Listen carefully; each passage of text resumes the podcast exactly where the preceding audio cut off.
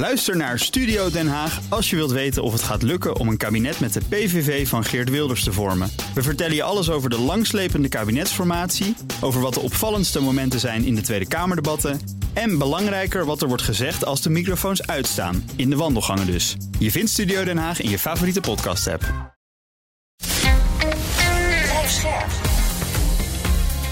BNR Nieuwsradio. Boekenstein en de Wijk. Mark Beekhuis. Welkom bij Boekenstein en de Wijk. Het is woensdag, dag 448 van de Russische oorlog in Oekraïne. Met Arend Jan Boekenstein, Rob de Wijk. Fijn dat jullie er zijn allebei. Zeker. Procent, procent. Ja, al een beetje toneelvrees, of hoe heet dat ook weer? Zenuw als je toneel op moet? Nou, een beetje wel hoor. Vanavond uh, is dan de echte première van onze show. Ja, de uh, try-out eigenlijk, hè? Ja, uitverkocht huis gelukkig. Ja, dat is altijd wel spannend hè, hoeveel kaarten je verkoopt. Maar uh, helemaal, ja, eigenlijk gewoon uitverkocht. We zijn ontzettend blij. Try-out is uitverkocht. Volgende week in Groningen, vertelde jullie geloof ik al hè? Ja, ja, ja ook eigenlijk bij dezelfde bezetting. Dus uh, Jan, ik, Hugo en Bart uh, uh, de Kruif, de generaal. Hartstikke ja. leuk wordt dat. En er zijn Daar, nog een paar kaartjes. Paar kaarten. Ja, het loopt heel goed. ja. Nou, laten wij weer eens in een ouderwetse Boekenstein in de Wijk traditie in Oekraïne beginnen met een, een rondje langs het front, Rob. Ja. ja, als we nou helemaal bovenin beginnen in de Luhansk Oblast, dan zie je iets wat je elders ook ziet. Namelijk, er worden nieuwe Russische troepen aangevoerd. Uh, kennelijk is uh, de bedoeling om uh, die troepen te positioneren voordat een nieuw offensief begint van Oekraïne. Ik zag gisteren overigens in de NRC staan een quote van een hoge Oekraïense functionaris dat het offensief al is begonnen. Maar dat lijkt mij eigenlijk ja, toch enigszins nepnieuws. Want ik kan dat niet op de kaart zien. Ik heb daar goed naar gekeken. Ik zie dat gewoon niet. Uh, er zijn wel allerlei positioneringen voor een nieuw offensief. Maar of dat nou al echt uh, uh, begonnen is, ik geloof het niet echt. Kijk, wat er dus gebeurt in die Luhansk Oblast is dat, de, dat er schermutselingen zijn in die hele lijn van Kremina naar Statoven. Uh, dat ligt echt behoorlijk naar het uh, noorden uh, van het bezette gebied. En daar is ook een nieuwe divisie uit het westelijke militaire district van Rusland aangekomen. En die wordt op dit ogenblik ontplooid. Nou, dan ga je verder naar beneden. En dan zie je in de Kremina-Liman-lijn ook beperkte offensieven van Russische kant. Dus overal is Rusland bezig met offensieven op te bouwen. Dat is wel belangrijk hoor, want ze proberen dus te voorkomen dat die Oekraïners kennelijk momentum kunnen opbouwen. Daar gebeurt dat. Dan verder naar het zuiden. Dan komen we in Bakmoed uit. Kunnen we straks nog eventueel wat, wat meer over zeggen. Maar daar, daar zien we eigenlijk hetzelfde als verder naar het noorden. Versterkingen worden aangevoerd door de Russen. Vier bataljons worden op dit ogenblik uh, ontplooid. Uh, Oekraïne komt niet veel verder en zij proberen eigenlijk die Russen weer dat gebied terug uh, te veroveren. Uh, en je ziet dat die Prigozhin eigenlijk gewoon, ja, toch vind ik wel enigszins uitgespeeld aan het raken is. Nou, dan, dan, ga, je, dan ga je nog verder naar beneden. Dan kom je bij de linie Advika Donetsk. Ook daar hetzelfde beeld. Rusland is bezig met offensieven, maar dat is niet heel succesvol. Dan ga je helemaal naar het zuiden toe. Ga je naar de Kherson Oblast. En dat is eigenlijk een chaos. Uh, want daar zien we dus dat uh, de Russen proberen om zijn posities aan de oostoever van de Dieppe te behouden. En dat lukt toch niet goed. We zien hier dat, denk ik, als ik het zo goed bekijk, de Oekraïners het meest succesvol zijn en de Russen eigenlijk het meest in paniek. En dat is op zich wel bijzonder, maar dat is ook wel conform het beeld wat we de afgelopen weken hebben geschetst. Als we het nou verbinden, Rob, hè, met, uh, met Bachmoed, dan uh, staan al stukken in de krant en dan zeggen ze van ja, Bachmoed is een soort val geweest voor de Russen, waar ze heel veel mensen zijn kwijtgeraakt. En dan gaat de redenering gaat dan verder en dan zeggen ze van ja, er moeten dus nu versterkingen van vier Russische bataljons naar Bachmoed uh, gestuurd. Die zijn er dus nu, hè. En mm -hmm. dat, betekent dus, dat betekent dus, die kan je elders niet inzetten. Hè? Klopt. En, en dat, is natuurlijk, dat is natuurlijk de grap. Hè? Je- de- de- de Oekraïne moet weer een tovertruc uithalen of gewoon misleiding doen.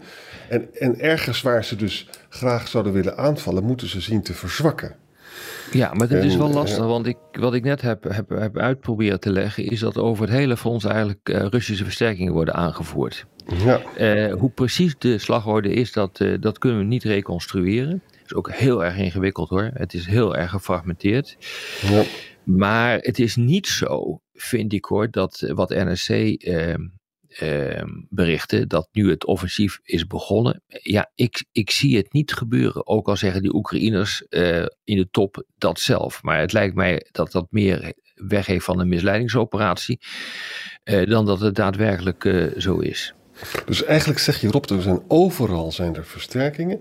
Ja. Maar alleen in Gerson is er een chaos. Maar bij Ja. Gerson heb je de, die, die verschrikkelijke rivier als obstakel waar je dan Klopt, overheen maar de Oekraïners moet. zitten dus aan de andere kant, aan de Russische kant van de rivier. En die eh, Russen zijn op dit ogenblik bezig met artilleriebeschietingen om die Oekraïners daar weg te krijgen. Maar ze schieten ook met artillerie over de rivier. En dat schijnt vrij heftig te zijn, maar eh, het, het is wel een chaos. Want ze zijn niet in staat om die posities aan de oostelijke eh, oever, eh, om die terug te veroveren. Dat, dat lukt op dit ogenblik niet. Maar kan je nou zeggen dat Rusland er dit jaar sterker voor staat dan vorig jaar? Toen had je natuurlijk die enorme file van tanks, die, eh, ja, waardoor Russen zichzelf onder andere in de problemen brachten.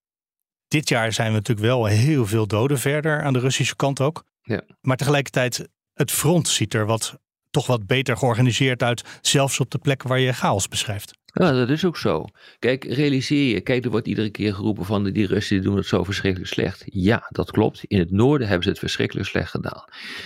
Maar in het zuiden en in het oosten hebben ze toch vrij snel eh, hebben ze enorme gebieden veroverd. Dat is echt een gigantisch gebied eh, die veroverd is en dus ook moet worden terugveroverd.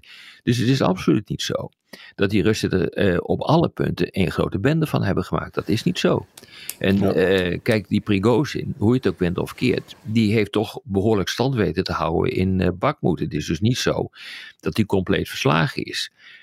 Eh, dat hele Bakmoed, dat heeft volgens mij geen enkele eh, strategische functie. Dus eh, het is de moeite niet waard om daar duizenden, tienduizenden mannen te laten sneuvelen. Behalve als je denkt, hoe meer de sneuvelen, hoe minder de tegenstander is als ik een echt groot offensief wil gaan beginnen. Nou, dat is op dit ogenblik wat er denk ik aan de hand is. Maar er, ja, maar goed, de boel die zat muurvast vier, vijf maanden geleden, maar dat zit hij nog steeds. Daar zat wel wat beweging in, toch? Bij Bagmoed in de afgelopen week. Ja, maar, maar, maar het is bescheiden hoor. Het is echt bescheiden. En, en die, eh, je kan wel zeggen, ook in zijn vorderingen, die zijn bes- bescheiden, maar die zijn wel zonder de Leopards en de Bradleys gedaan. Hè? Dat is wel interessant. Ze hebben dus wel iets slims daar gedaan met die troepenrotatie waar ze gebruik van gema- hebben gemaakt. Ja, maar het is Maar nog nee- steeds bijna niet op de kaart te zien hoor. Dus Nee. iedereen die roept dan maar, oh, dit, dit zijn zulke geweldige vorderingen die eh, Oekraïne heeft eh, gemaakt. Ja, is het is een maar- enorme psychologische opsteken. Dat is een ding dat zeker is. En het is een eh, psychologische domper voor de tegenstander, in dit geval Rusland. Maar je kunt niet zeggen eh, dat, die, eh, dat die vorderingen van Oekraïne rond eh Bakhmut insignificant zijn. Ja. Of significant zijn, pardon. Het is precies het omgekeerde. Ja, precies. Maar, maar nog even één ding over, over, over Bakhmut. Hè. Dat is toch wel interessant. Die Prigozhin, dus die leider van die eh Wagnergroep, dat is een priva- private militaire onderneming, die heeft volgens gelekte geheime documenten contact opgenomen met eh, de militaire inli- inlichtingendienst van Oekraïne. En heeft gezegd, Ja. eh, ja, en heeft gezegd, als ehm, jullie nou bak moet laten vallen, dan ehm, krijg je van ons inlichtingen over de posities van Russische troepen. Nou, Prigozhin die zegt van eh, allemaal nepnieuws, allemaal niet waar, maar het zou me niet verbazen. Want de Prigozhin is natuurlijk toch gewoon, ja, eigenlijk een mafketel hoor, met een hele grote bek eh, enorme vechtersbaas. Eh, het is echt de man van de desinformatie. Eh, de Oekraïners zijn er niet op ingegaan omdat ze die man niet geloven. En dat lijkt mij terecht. Maar het zou wel kunnen. Want dat had hem namelijk aan een overwinning eh, eh, eh, eh, geholpen. uh, die uh, voor Rusland buitengewoon uh, groot zou zijn. En zijn positie in het Kremlin zou versterken. Dus het zou best kunnen. En het is natuurlijk ook het type dat dit soort idiote deals wel zou kunnen maken. En weet je, als dat dus waar zou zijn, en dat zou zomaar waar kunnen zijn, hè, dan zie je hier dus ook het probleem waar Poetin mee worstelt. Poetin vindt het op zelf genomen heel leuk als er facties die zijn die elkaar concurreren, want dan kan ze tegen elkaar uitspelen. Maar tijdens een militaire operatie is dat natuurlijk, uh, kan dat heel schadelijk zijn. Hè? Nou, dat zien we hier dus gebeuren. Het is echt zo dat de Russische krijgsmacht en Prigozhin niet goed hebben samengewerkt in, in Bakhmut. Uh, en, en dat, maar goed, maar dan gaan mensen zich afvragen: is dit dan het einde van Poetin? En dat is helemaal niet het geval. Hè? Want de Russische bedrijven hebben dus hun supply chains hebben ze verlegd en aangepast. En, uh, en Poetin kan gewoon doorgaan met mensen tegen elkaar uitspelen. En, deze, en ze iedereen bereidt zich, ook het bedrijfsleven, zegt de New York Times in een lang stuk, uh, bereidt zich voor op een lange oorlog. Ja. Dus dat is even weer de context uh, bij zo'n klein microgebeurtenis in, uh, in Bachmut. Ja, en misschien wel grote ontwikkeling is dat er langzaamaan toch vanuit het Westen, maar dan het Europese deel van het Westen, een coalitie opgebouwd wordt om toch F-16's te gaan leveren. Ja, maar de vraag is op welke termijn. Mm -hmm. uh, dus ja, kijk, het interessante is dat ehm, de Amerikanen zijn gevraagd wat, wat vind je van die deal en is je positie nu daardoor veranderd. De Amerikaanse regeringsvoortvoerder Witte Huis die zei van nee, onze positie is niet uh, veranderd, geen F-16's naar, uh, naar Oekraïne. Het is een kwestie van timing. Als je dat nu zou doen, uh, dan zou je daar ehm, uh, NAVO-militaire civiel personeel naartoe moeten brengen om die uh, zaak logistiek te ondersteunen. En dat gaan we echt niet doen. En de Amerikanen zijn er mordicus op tegen. Als je kijkt naar hoe de discussie nu verloopt, hè, bijvoorbeeld volgend jaar komen er uh, Nederlandse F-16's op de markt. Dan praten we dus echt over een jaar van nu. Mag je hopen dat die oorlog zo'n beetje is afgelopen dan zouden die geleidelijk kunnen worden overgedragen aan, eh, eh, aan Oekraïne. En dan heb je een hele tijd om die bemanningen op eh, te leiden, grondpersoneel op te leiden. Kijk, dat is een scenario op langere termijn, wanneer je ervan uitgaat dat Oekraïne grote successen gaat boeken, of op andere manier Oekraïne helemaal of dichtbij de NAVO kan worden getrokken, ja, dan zou het dus wel kunnen. Het is een kwestie van timing. Dus ik denk dat die eh, Amerikaanse regeringswoordvoerder het over nu heeft. Nu is het niet aan de orde en nu gebeurt het niet. Maar over één of twee jaar kan dat heel goed gebeuren. En ik denk dat zo'n coalitie daarop mikt. Maar goed, ik ken de details niet. Die kent in Nederland, uh, denk ik, alleen maar Rutte en de minister van Buitenlandse Zaken en, uh, en Defensie. Ja. Uh, maar het zou me niet verbazen als het zo'n soort deal is. En dat kan, dat kan wel op zich. Ja, want Nederland trekt wel voorop hè, in die coalitie. Ja, wel opmerkelijk trouwens. maar je moet dus wel echt weten hoe zo'n deal in elkaar zit om daar iets zinnigs over te zeggen. Maar ik, mijn gevoel zegt dat dit het is. En het probleem is ook een beetje, die volgend jaar, dat zijn oude F-16's van Nederland die dan op de markt uh, komen. Uh, en we hebben een hele lange geschiedenis van F-16's die elkaar een beetje in stand moesten houden. Hè? Dus hoe goed, zijn die, hoe goed zijn die apparaten nog? Ja, die zijn uitstekend. Ik bedoel, oh. die airframes, die, uh, die, die vliegtuigen zelf, die, die gaan niet kapot. Die blijven eeuwig lang meegaan. nee, het gaat natuurlijk gewoon om de elektronica die erin zit, de bewapening die eronder zit. Dus ze zullen wel worden opgepimpt.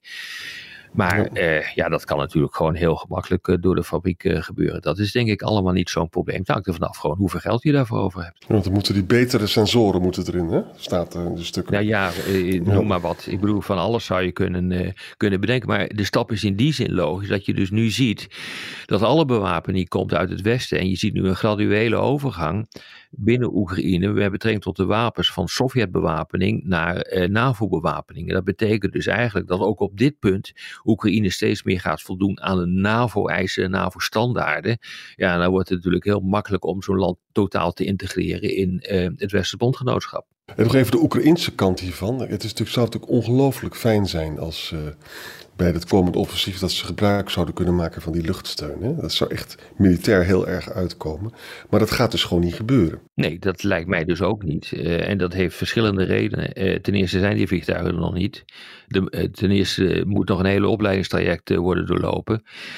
En ja, in de derde plaats moet gewoon even worden bekeken hoe dat dan gaat met de manningen op de grond. Ik bedoel, dat is denk ik een, een belangrijk punt. en die zorg zal door de Amerikanen eerst moeten worden ergenomen, want het mag niet bijdragen aan een grote escalatie. Ja, en dan pas zullen de Amerikanen, en die moeten dat doen, een exportvergunning afgeven. Ik wil nog even door naar een ander wapensysteem, de Patriot. Daar hebben we er een paar ja. van geleverd. Want als je, daar heb je er niet zo heel veel voor nodig voor zo'n toch nog heel groot land. Maar van eentje zijn nu de berichten dat hij, nou de Russen zeggen dat hij vernietigd is. Ja. Uh, vanuit Oekraïne en vanuit Amerika horen we dat het uh, misschien meevalt dat hij beschadigd is. Ja, maar niet vernietigd staat er dan bij. Hè? We krijgen nu een Amerikaanse bevestiging dat die zes Kinsal, die supersonische raketten, inderdaad uit de lucht zijn gehaald. Dat is niet onbelangrijk. Hè? Dat is echt niet onbelangrijk. Want kennelijk wisten we van tevoren niet zeker dat, of dat zou lukken met een raket die zo snel uh, uh, vliegt. En uh, verder, de, Amerika de Russen hadden gezegd dat de Patriot beschadigd was. En maar zelfs ook helemaal uitgeschakeld. En dat schijnt ook niet het geval te zijn. Ja, hij schijnt zelfs nog te kunnen functioneren. Ja. En overigens met betrekking tot die kinders weet eigenlijk nie niemand hoe hard ze vlogen. Kijk, zo'n ja. ding hoeft niet 12.000 km per uur te vliegen. Die kan ook gewoon uh, 3.000, 4.000 km per uur uh, vliegen. Dat hangt er maar net vanaf uh, hoe en waar die gelanceerd wordt. Dus hier zitten nog een hele hoop onduidelijkheden bij. Maar hoe het ook bent of keert, ook dit. Hè, we hebben het gehad over een psychologische domper rond Bakmoed voor Rusland. Nou, dit is er ook een hoor.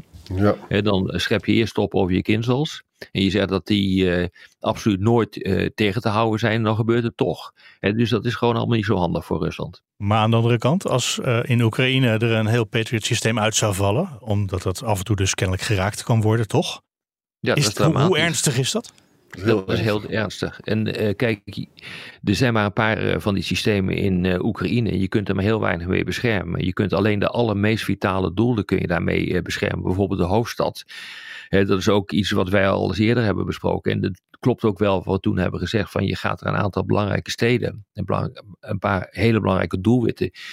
Ga je, daarmee, ga je daarmee beschermen. Want meer heb je niet. En dus de rest die ligt dan open of wordt met andere systemen uh, beschermd. Ja, van een paar dagen terug kwamen de berichten uit, uh, uit de hoofdstad. Hè, dat het een soort sterrenregen was die uh, ja. over de stad uitgesproeid werd. En dat waren dan dus niet de Russische raketten, maar de geraakte Russische raketten die boven de stad uit elkaar ploften en dan in kleine lichtgevende stukjes in de nacht op de stad neerregenden. Dat klopt. Ja, we gaan uh, door naar het volgende onderwerp. is de Afrikaanse vredesmissie. Dat is echt wel een heel smakelijk verhaal. Hè? Kijk, we hebben dus nu de, in China die meneer Li Hui, die wil een vredesmissie doen. En die bezoekt dus Oekraïne en Rusland. Ik geloof dat het al begonnen is. Hè? Dan Hij is nu in paus. Oekraïne, ja. Ja, de paus die uh, praat ook over een vredesmissie. En nu hebben we dus zes Afrikaanse leiders die dat doet. Het wordt gezegd door Ramaphosa, de president van Zuid-Afrika. En die landen staan er nou zelf niet bekend omdat ze nou geheel vrij van corruptie zijn, laat ik het zo formuleren. Dus Egypte, Zambia, Senegal, Oeganda, de Republiek van Congo en Zuid-Afrika zelfs. Hè? Nou, en die willen dus nu hun, uh, hun, macht ontplooien en zeggen wij gaan proberen uh, uh, de vredes te brengen. En zij denken natuurlijk ook over de graanvoorziening. Hè? Ik moet je zeggen, ik vind dit een heel interessante ontwikkeling, maar de kans dat deze Afrikaanse leiders gaan slagen moet niet al te hoog worden aangeslagen. Ja, politiek is wel belangrijk, Arend Jan. Geen enkel Afrikaans land die heeft echt volledig zijn steun zo ongeveer uit uh, gesproken voor, ehm, voor Oekraïne dan wel tegen Rusland, want ze zijn ook ja. ontzettend afhankelijk van Rusland. Dus in die zin is dit wel erg um, erg significant, politiek significant, uh, te meer omdat de Amerikanen hebben gezegd tegen Zuid-Afrika, jullie, hebben, jullie zijn Rusland aan het steunen, ook met wapens. Nou, dat wordt dan allemaal ja. ontkend. Nou, of het allemaal waar is, dat doet het niet toe, maar het feit dat de Zuid-Afrikanen nu met Zambia, Senegal, Oeganda en de Republiek Congo kennelijk een stap naar voren maken. En die Chinezen betekent wel dat er wat aan de, aan de hand is op dit ogenblik. Lopen ze elkaar niet in de, voor de voeten als er Chinezen nu gaan proberen te bemiddelen en Afrikanen in een andere uh, gespreksronde? Turkije was natuurlijk ook nog steeds bezig om ja. landen bij elkaar te brengen, onder andere voor de graandeal. Natuurlijk lopen ze elkaar voor de voeten. Ja. En, en, en, wat toch een ander probleem is, kijk, ik denk dus niet dat Poetin daar nou heel erg uh, actief op zal reageren. En dan betekent het dat je dus een beetje verloren rondloopt.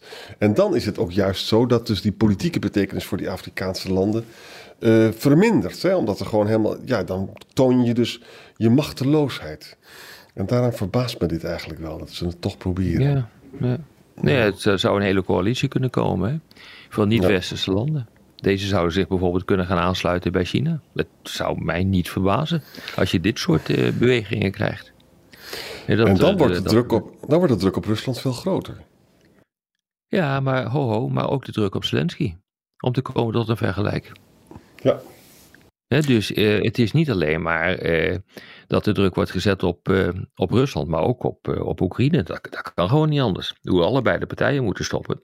Dus ook de Chinese vertegenwoordiger, die Li Gui, ja. die zal ongetwijfeld ook druk gaan uitoefenen op, op Zelensky. Dat kan niet anders. Wij denken iedere keer maar dat alleen Rusland moet stoppen. Nee, voor, volgens grote delen van de wereld moet Oekraïne ook stoppen. En dat gaat helemaal gebeuren. Stel je voor dat we in de herfst, hè, ik maak maar een scenario, mm. weer een, een, nieuwe padstelling is. Hè, met uh, allemaal vreselijk veel doden en allemaal ellende. Dan wordt dus die druk op Oekraïne, maar ook op Rusland, om voor, voor een staakt vuren groot. Hè? Ja. Uitgeputte troepen. En als ja. zij dan een coalitie hebben van, nou, we willen dat staakt het vuren wel uitonderhandelen, dan hebben ze misschien succes. Ja, het is ook wel opmerkelijk dat ook van de andere kant de druk wordt opgevoerd, hè, namelijk vanuit de Raad van Europa. Ja. Die heeft zijn vierde top gehouden, pas na 1949. Die komt nooit in de topontmoeting bijeen. Op IJsland uh, dit keer. Reykjavik. Ja, en die, hebben een, uh, die zijn overeengekomen dat er een register komt voor schade. Ja, dat is interessant, want hier worden volgens mij herstelbetalingen voorbereid. Of wat vind ja. jij, Aantjan? Ja, dat denk ik, ja. En dat is ook iets waar Nederland volgens mij mee bezighoudt. Hè? Ook, ook in die Raad van Europa. Ja, dit gaat over reparations, over, over herstelbetaling. En dat komt dus ook, dat wordt ingebracht. Uh, en dat zal Poetin helemaal niet leuk vinden. Dat zal dus een staakt het vuren ook bemoeilijken. Want het is het laatste waar Poetin op zit te wachten, dat hij ook nog moet dokken. Ja? Mm -hmm. ja. Maar het is duidelijk dat de Raad van Europa ermee bezig is. Maar heeft ja. Poetin nog iets met de Raad van Europa? Want daar is toch geen lidmaatschap meer inmiddels. Uh, daar is Rusland al mee gestopt. Ja, daar is Rusland mee gestopt. Ja. Nee, maar dat is zo. Maar zo'n uh, zo'n centraal uh, opschrijven van uh, wat alle schade is en dat uit gaan rekenen. Dat is, voor, dat, is een, dat is een aanzet voor een post-conflict situatie. Om dan vervolgens Poetin met de rekening te confronteren. Ja. En dan, als je Poetin met zo'n rekening confronteert, kan je er ook allerlei eisen aan stellen. Dus het is niet, niet zonder betekenis dit. Het is nu op dit ogenblik symbolisch, maar op het moment dat de strijd afgelopen is, hè, als dus die, ja. eh, al die vredesinitiatieven eh, die dus nu lopen op een of andere manier succesvol zijn, dan wordt dat er gewoon ingebracht. Dat kan niet anders.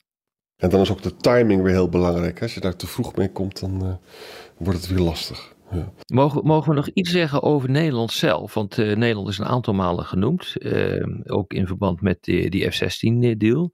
Maar je ziet nu uh, wat er allemaal gebeurt, wat er op defensiegebied gebeurt. We hebben het wel eens eerder gehad, zelfs wel vaker dan, dan één keer, over al die infrastructuur die in de Noordzee ligt. Al die kabels, die pijpleidingen, die windmolenparken.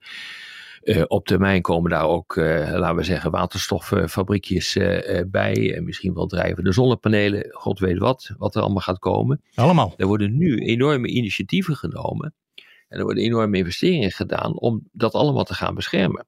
He, dus de mogelijkheden tot, tot waarneming, die worden verbeterd. Er moeten discussies worden gevoerd nu met de private sector die voor een belangrijk deel de eigenaar is van al die infrastructuur. En dat is wel, uh, dat is wel echt uh, bijzonder hoor, wat op dit ogenblik uh, gebeurt. Het is iets wat, waar landen langs de Noordzee allemaal mee zitten. Van Engeland tot Noorwegen. Iedereen die een stukje Noordzee beheerst. dan wel territoriale wateren, dan wel exclusieve economische zone, die zit met datzelfde probleem. En je ziet nu ook dat de samenwerkingsovereenkomsten uh, uh, op, het, uh, op het programma staan tussen die landen om dat ook gezamenlijk te kunnen doen. En dat betekent dus investeringen in de beveiliging ervan, sensoren, om maar eens wat te, noemen. Maar het betekent natuurlijk ook middelen om heel snel ter plekke te kunnen zijn, om als je denkt dat er wat aan de hand is, dat je een gemeenerik kan wegjagen. Ja, er staat ook een heel stuk in de New York Times, als ik me niet vergis, over de Noorse uh, gasstations in de Noordzee, weet je wel. En daar zitten dus ook Russische militaire boten boven. En die worden dan direct gevolgd door Noorse schepen. Ja. En uh, dus dan zie je dus een soort kat-en-muisspel uh, daar ja, gaan. Ja, ik kan je melden, want ik heb daar eerder deze week in Oslo over gesproken. Onder andere in Oslo, maar ook in Boede in het noorden. Het is wel lastig hoor. En dat geldt, eh, de conclusie is wel van, je krijgt nooit waterdicht. Het, eh, het is, er liggen vele duizenden kilometers aan leidingen. Tienduizend kilometers. En dat is niet allemaal heel makkelijk uh, te, te beschermen, te monitoren. En uh, ja, dus um, het, wordt, het, het, het blijft lastig. En wat ze dus doen is, zodra er een Russisch militair schip is, dan volgen ze dat direct. Ja. Dat is, het, dat is het enige wat je kan doen. Hè? Ik denk dat we er voor vandaag zijn, hè? Of is er nog iets laatste wat jullie willen inbrengen? Nou, één klein, klein dingetje. De hoofd van de Oekraïense Hoge Rechtshof oh ja. is gearresteerd. Die heeft dus een, is betrokken bij een omkoopschandaal van 2,7 miljoen. Nou, laten we het zo zeggen dat het eigenlijk heel goed is als zo iemand gearresteerd wordt als die verdenking bestaat. Hè? Want ja, de corruptiebestrijding de gaat gewoon door in Oekraïne. Ja, ja. Morgen is Hemelvaartsdag, maar we zijn er gewoon, hè? We, we zijn er gewoon. Ja, dan we uh, gewoon door zeggen we tot morgen. Tot morgen. Tot morgen. Ook Hugo Reitsma vind je in de BNR-app. Superhandig die BNR-app. Je kunt alle programma's live luisteren, breaking nieuwsmeldingen. Je blijft op de hoogte van het laatste zakelijke nieuws. En je vindt er alle BNR-podcasts, waaronder natuurlijk de belangrijkste, Boekestein en de Wijk. Download nu de gratis BNR-app en blijf scherp.